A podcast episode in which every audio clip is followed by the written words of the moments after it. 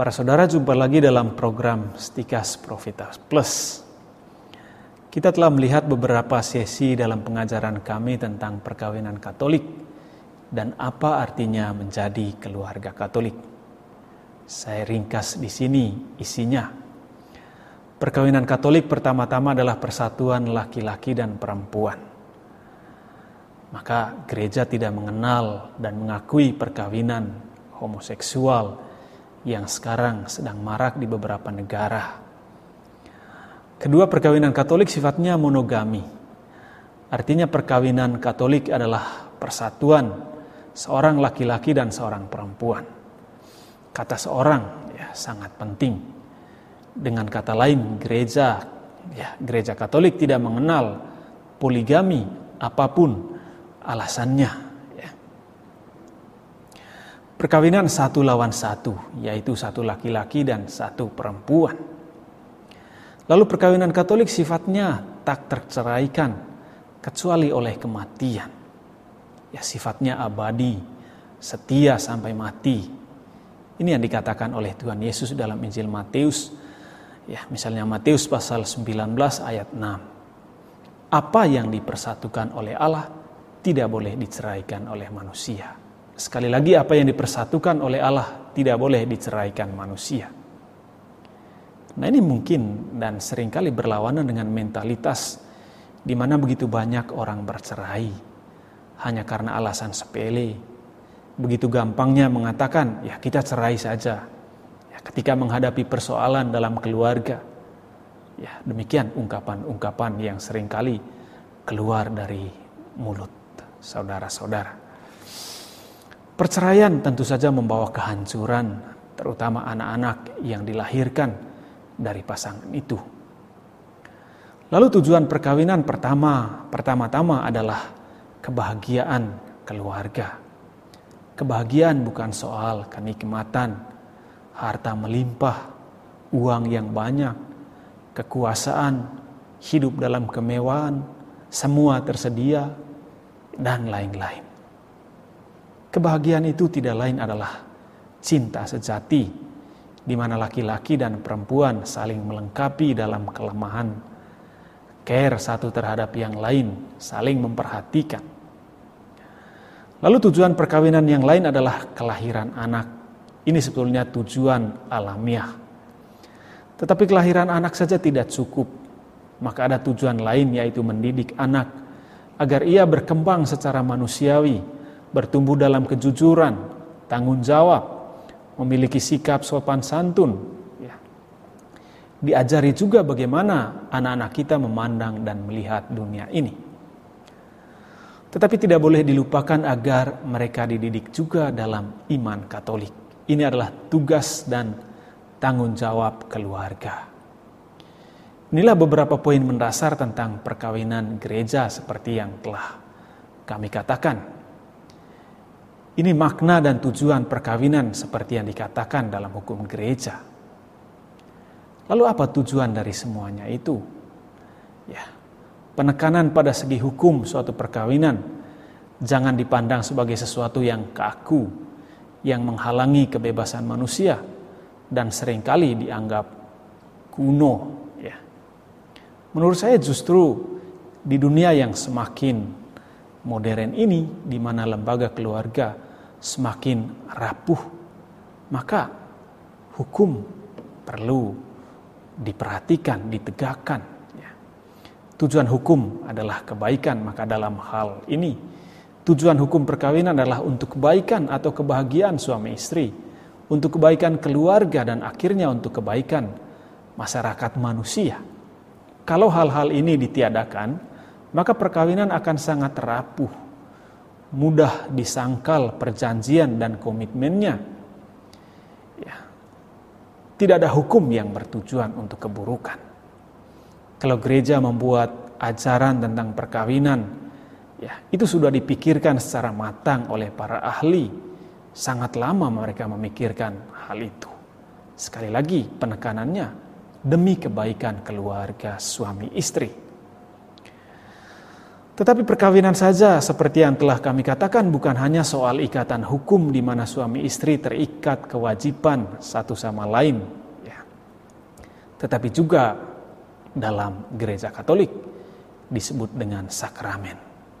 Ikatan perkawinan terjadi karena dalam dan melalui Yesus Kristus.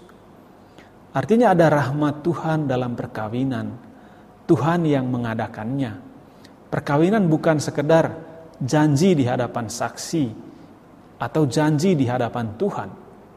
Perkawinan itu sesuatu yang ya natural sebenarnya yang terjadi antara seorang laki-laki dan seorang perempuan. Artinya terjadi ya sejak awal dunia ini. Hal yang baru dari perkawinan Katolik adalah Kristus yang mengangkatnya pada level sakramen. Dasarnya adalah surat Santo Paulus kepada jemaat di Efesus pasal 5 ayat 21 sampai 33. Kristus menyucikan setiap perkawinan dan kasih setia suami istri digambarkan dengan kasih dan kesetiaan Yesus kepada gerejanya. Kasih dan kesetiaan yang sifatnya abadi. Di sini Allah memahkotai setiap perkawinan. Sekali lagi, Allah memahkotai setiap perkawinan Unsur lain yang perlu kita tahu adalah bahwa perkawinan itu sebuah panggilan saudara-saudara. Itu sebuah karunia Tuhan. Ini sebuah panggilan tetapi juga sebuah perutusan. Ini ditujukan ya, dengan kata-kata Tuhan dalam kitab kejadian. Beranak cucu dan bertambah banyaklah. Kitab kejadian pasal 1 ayat 28. Artinya manusia memiliki perutusan dari Tuhan sendiri melalui perkawinan. Selain bersatu untuk kebahagiaan, juga untuk meneruskan keturunan, memiliki anak dan mendidik mereka. Ya. Memiliki anak dan mendidik mereka. Saya tekankan hal ini. Karena suatu panggilan, maka setiap keluarga, yaitu pasangan suami istri, harus yakin bahwa Allah menyertai mereka dalam panggilan ini harus yakin bahwa Allah selalu ada di samping mereka dalam menghadapi kesulitan-kesulitan yang dilalui setiap hari. Seperti yang dikatakan oleh Paus Emeritus, Paus Benediktus ke-16, manusia dipanggil untuk mengasihi satu sama lain melalui perkawinan untuk membangun keluarga. Perkawinan yang tidak didasarkan pada kasih misalnya karena harta, tidak akan bertahan. Ya. Suami istri dipanggil untuk saling mengasihi satu sama lain. Dalam suka dan duka ditanggung bersama ya dengan bantuan rahmat Tuhan tentu saja. Tetapi mari kita melihat sisi lain kehidupan orang Katolik ya. Selain perkawinan yang merupakan panggilan hidup berkeluarga ya sebagian besar orang Katolik ya menikah. Ada juga yang disebut dengan hidup selibat. Ya, selibat artinya tidak kawin atau tidak membangun keluarga. Ini adalah panggilan Tuhan. Nah, kami pakai kata tidak kawin untuk menekankan suatu bentuk hidup yang berbeda dengan perkawinan seperti yang telah kami tekankan sebelumnya. Banyak orang tidak mengerti cara hidup demikian. Bahkan orang Katolik pun tidak paham. Ya. Rasanya hidup selibat tidak mungkin, tidak dimungkinkan dan kadang-kadang dipahami sebagai hidup melawan kodrat, kuno dan ketinggalan zaman. Ya. Siapakah yang hidup selibat ini? Tidak lain adalah misalnya paus, para uskup, para romo, imam katolik, para suster, biarawati, ya biarawan, para frater, ya para bruder, ya. Nah, apakah mereka ini tidak mampu menikah atau tidak mampu menjalin relasi seksual sehingga memilih hidup yang demikian? Motivasi dasar mengapa orang memilih hidup selibat bukan karena mereka tidak mampu menjalin relasi seksual, bukan karena mereka tidak mampu membangun keluarga atau karena kecewa dengan masa lalunya. Ya misalnya ditinggalkan pacar, ya, lalu banting setir, tidak mau cari cewek lagi, tidak mau kenalan lagi, lalu memilih jadi romo saja, ya, memilih jadi suster saja. Bukan seperti itu. Mereka ini sesungguhnya adalah manusia normal, sama seperti orang-orang yang menikah, laki-laki dan perempuan. Mereka memiliki nafsu seksual seperti manusia normal lainnya. Ya, mereka bukan malaikat. Nah, sebagai manusia, mereka ada rasa tertarik juga dengan lawan jenis. Nah, saudara, bagaimana menjelaskan hidup yang demikian untuk kita di zaman modern ini? Nah, menjawab polemik ini, mari kita kembali ke Injil sebagai dasarnya, ya, supaya kita memiliki pemahaman yang lebih baik tentang hal ini. Nah, sebuah perikop menarik yang di dalamnya berbicara tentang perkawinan juga sebetulnya, ya. Tetapi juga berbicara tentang ya tidak kawin atau hidup selibat. Ya, sekali lagi kita mengutip Injil Matius pasal 19 ayat 1 sampai 12. Yesus mengajarkan ya tidak adanya perceraian dalam perkawinan. Nah, para murid ya melihat hal itu sebagai hal yang berat ya para murid ya berpikir ya secara manusiawi. Lalu mereka mengatakan lebih baik jangan kawin. Nah di sinilah Yesus mengajarkan suatu model panggilan yang berbeda dengan dengan panggilan membangun keluarga. Yesus berkata begini dalam ayat 12. Ada orang yang tidak dapat kawin karena memang ia lahir demikian dari rahim ibunya. Ada orang yang dijadikan demikian oleh orang lain. Ya, tetapi ada juga yang membuat dirinya demikian karena kemauannya sendiri oleh karena kerajaan Allah. Ya. Menarik untuk melihat hal ini. Ada tiga kelompok yang tidak kawin. Ya. Pertama, memang dari rahim ibunya demikian. Seperti yang dikatakan Injil tadi. Kedua, ya, tidak kawin karena orang lain. Lalu ketiga, tidak kawin karena kemauannya sendiri. Para pastor dan suster yang hidup selibat, ya, masuk dalam kelompok yang mana? Ya, masuk dalam kelompok yang ketiga. Yaitu ada orang yang membuat dirinya demikian karena kemauannya sendiri oleh karena kerajaan surga. Apa artinya? Ada orang-orang tertentu dalam gereja karena kemauannya sendiri tidak mau kawin, tidak mau menikah, tidak mau membangun keluarga. Ya. Hal ini harus dilihat bukan saja tidak membangun keluarga, tetapi juga tidak mau menjalin relasi seksual. Mengapa? Ya, karena ada orang yang tidak mau membangun keluarga dalam perkawinan, ya, tetapi mereka menjalin relasi seksual jadi ada orang yang yang tidak tidak mau membangun keluarga tetapi mereka tetap menjalin relasi seksual. Bukan ini yang dimaksud. Tetapi tidak menikah atau tidak membangun keluarga sekaligus tidak menjalin relasi seksual. Nah, ini adalah pilihan bebas. Seringkali tidak dimengerti oleh banyak orang. Ya. Seperti yang dikatakan tadi, dia berbuat demikian karena kemauannya sendiri demi kerajaan surga. Jadi ini bukan karena paksaan. Ya, dia memilih hidup demikian pertama-tama bukan karena tuntutan hukum, ya, tetapi atas dasar pilihannya sendiri. Maka ada aturan bahwa imam biarawan dan biarawati tidak boleh menikah. Tetapi pertama-tama hal itu bukan karena tuntutan hukum, melainkan atas pilihan bebasnya Lalu mengapa mereka seperti itu? Mengapa mereka menahan nafsu manusiawi mereka? Ya. Apa motivasi dasarnya sehingga mereka ya menolak ya untuk menikah?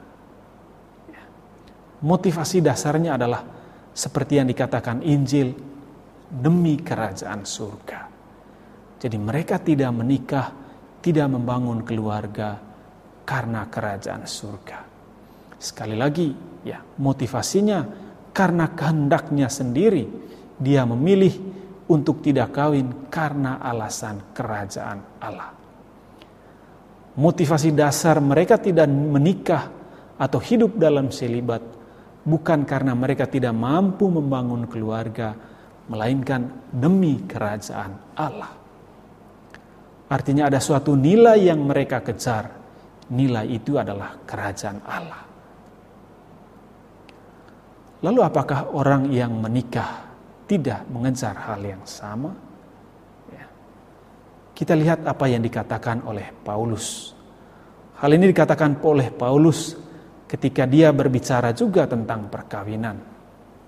Ada ayat yang menarik dan saya coba mengutipnya dari 1 Korintus pasal 7 ayat 32 sampai 34. Orang yang tidak beristri memusatkan perhatiannya pada perkara Tuhan. Bagaimana Tuhan berkenan kepadanya. Orang yang beristri memusatkan perhatiannya pada perkara duniawi bagaimana ia menyenangkan istrinya dan dengan demikian perhatiannya terbagi-bagi. Hal yang sama pun berlaku untuk perempuan yang tidak bersuami dan yang bersuami. Orang yang memilih tidak menikah berhubungan dengan suatu perhatian yang total pada perkara-perkara Tuhan. Jadi ada hubungannya dengan perkara-perkara Tuhan. Ya, artinya hidup dan pelayanannya hanya untuk Tuhan. Sementara orang yang beristri atau bersuami memusatkan perhatiannya pada perkara-perkara duniawi, artinya mengurus keluarga, mencari nafkah ya untuk keluarga mereka. Berbeda dengan orang yang hidup selibat demi kerajaan Allah. Mereka melakukannya bukan karena paksaan ya untuk hidup demikian, atau senang hidup sendiri karena tidak ada yang ngerepotin misalnya atau tidak ada yang mengganggu mereka melainkan demi sebuah pengabdian yang total kepada Allah. Ya, istilahnya hati mereka tidak terbagi kepada istri, ya, kepada suami, kepada anak-anak, tetapi hanya untuk Allah. Ini bukan berarti mereka tidak bekerja, mereka tetap bekerja namun pekerjaan mereka bukan berkaitan dengan kesibukan untuk keluarganya, melainkan melaksanakan karya-karya Tuhan. Ya.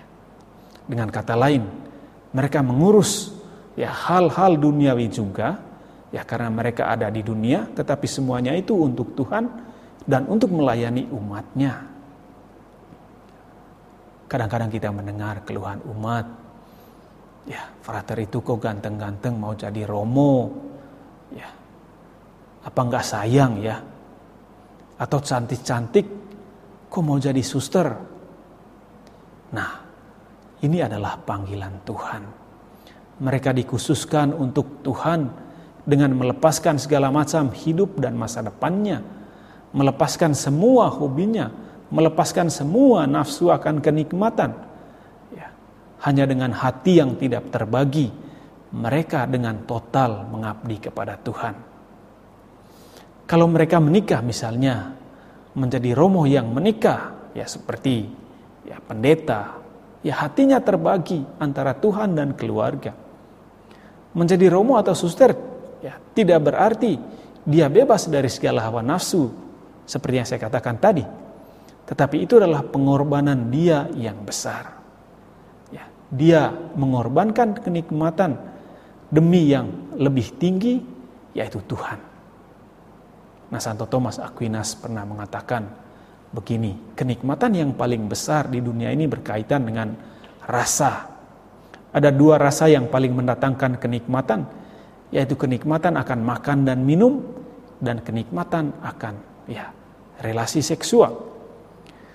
Para imam, suster, frater dan bruder mengorbankan kenikmatan paling besar dalam hidup mereka, yaitu relasi seksual demi kerajaan Allah. Inilah salah satu pengorbanan besar mereka. Tetapi semuanya itu dilakukan demi kerajaan Allah, makanya disebut dengan selibat demi kerajaan Allah.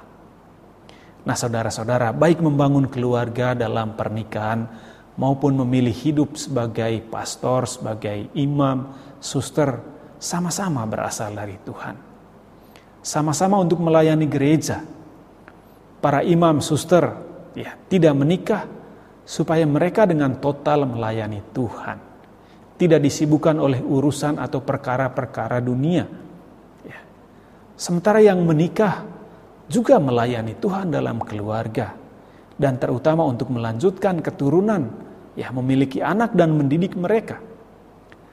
Ya, tanpa salah satu dari kedua hal ini, ya gereja tidak dapat hidup dengan baik. Karena itu tidak bisa seorang bapak keluarga menghayati hidup sebagai seorang romo dan seorang romo menghayati hidup sebagai seorang bapak keluarga. Semuanya memiliki tempat dalam gereja bagaikan mata memiliki perannya sendiri dalam tubuh dan tangan memiliki perannya yang lain dalam tubuh yang sama. Semuanya untuk membangun gereja dan membangun kerajaan Allah. Nah, inilah kekayaan yang dimiliki oleh tradisi gereja Katolik.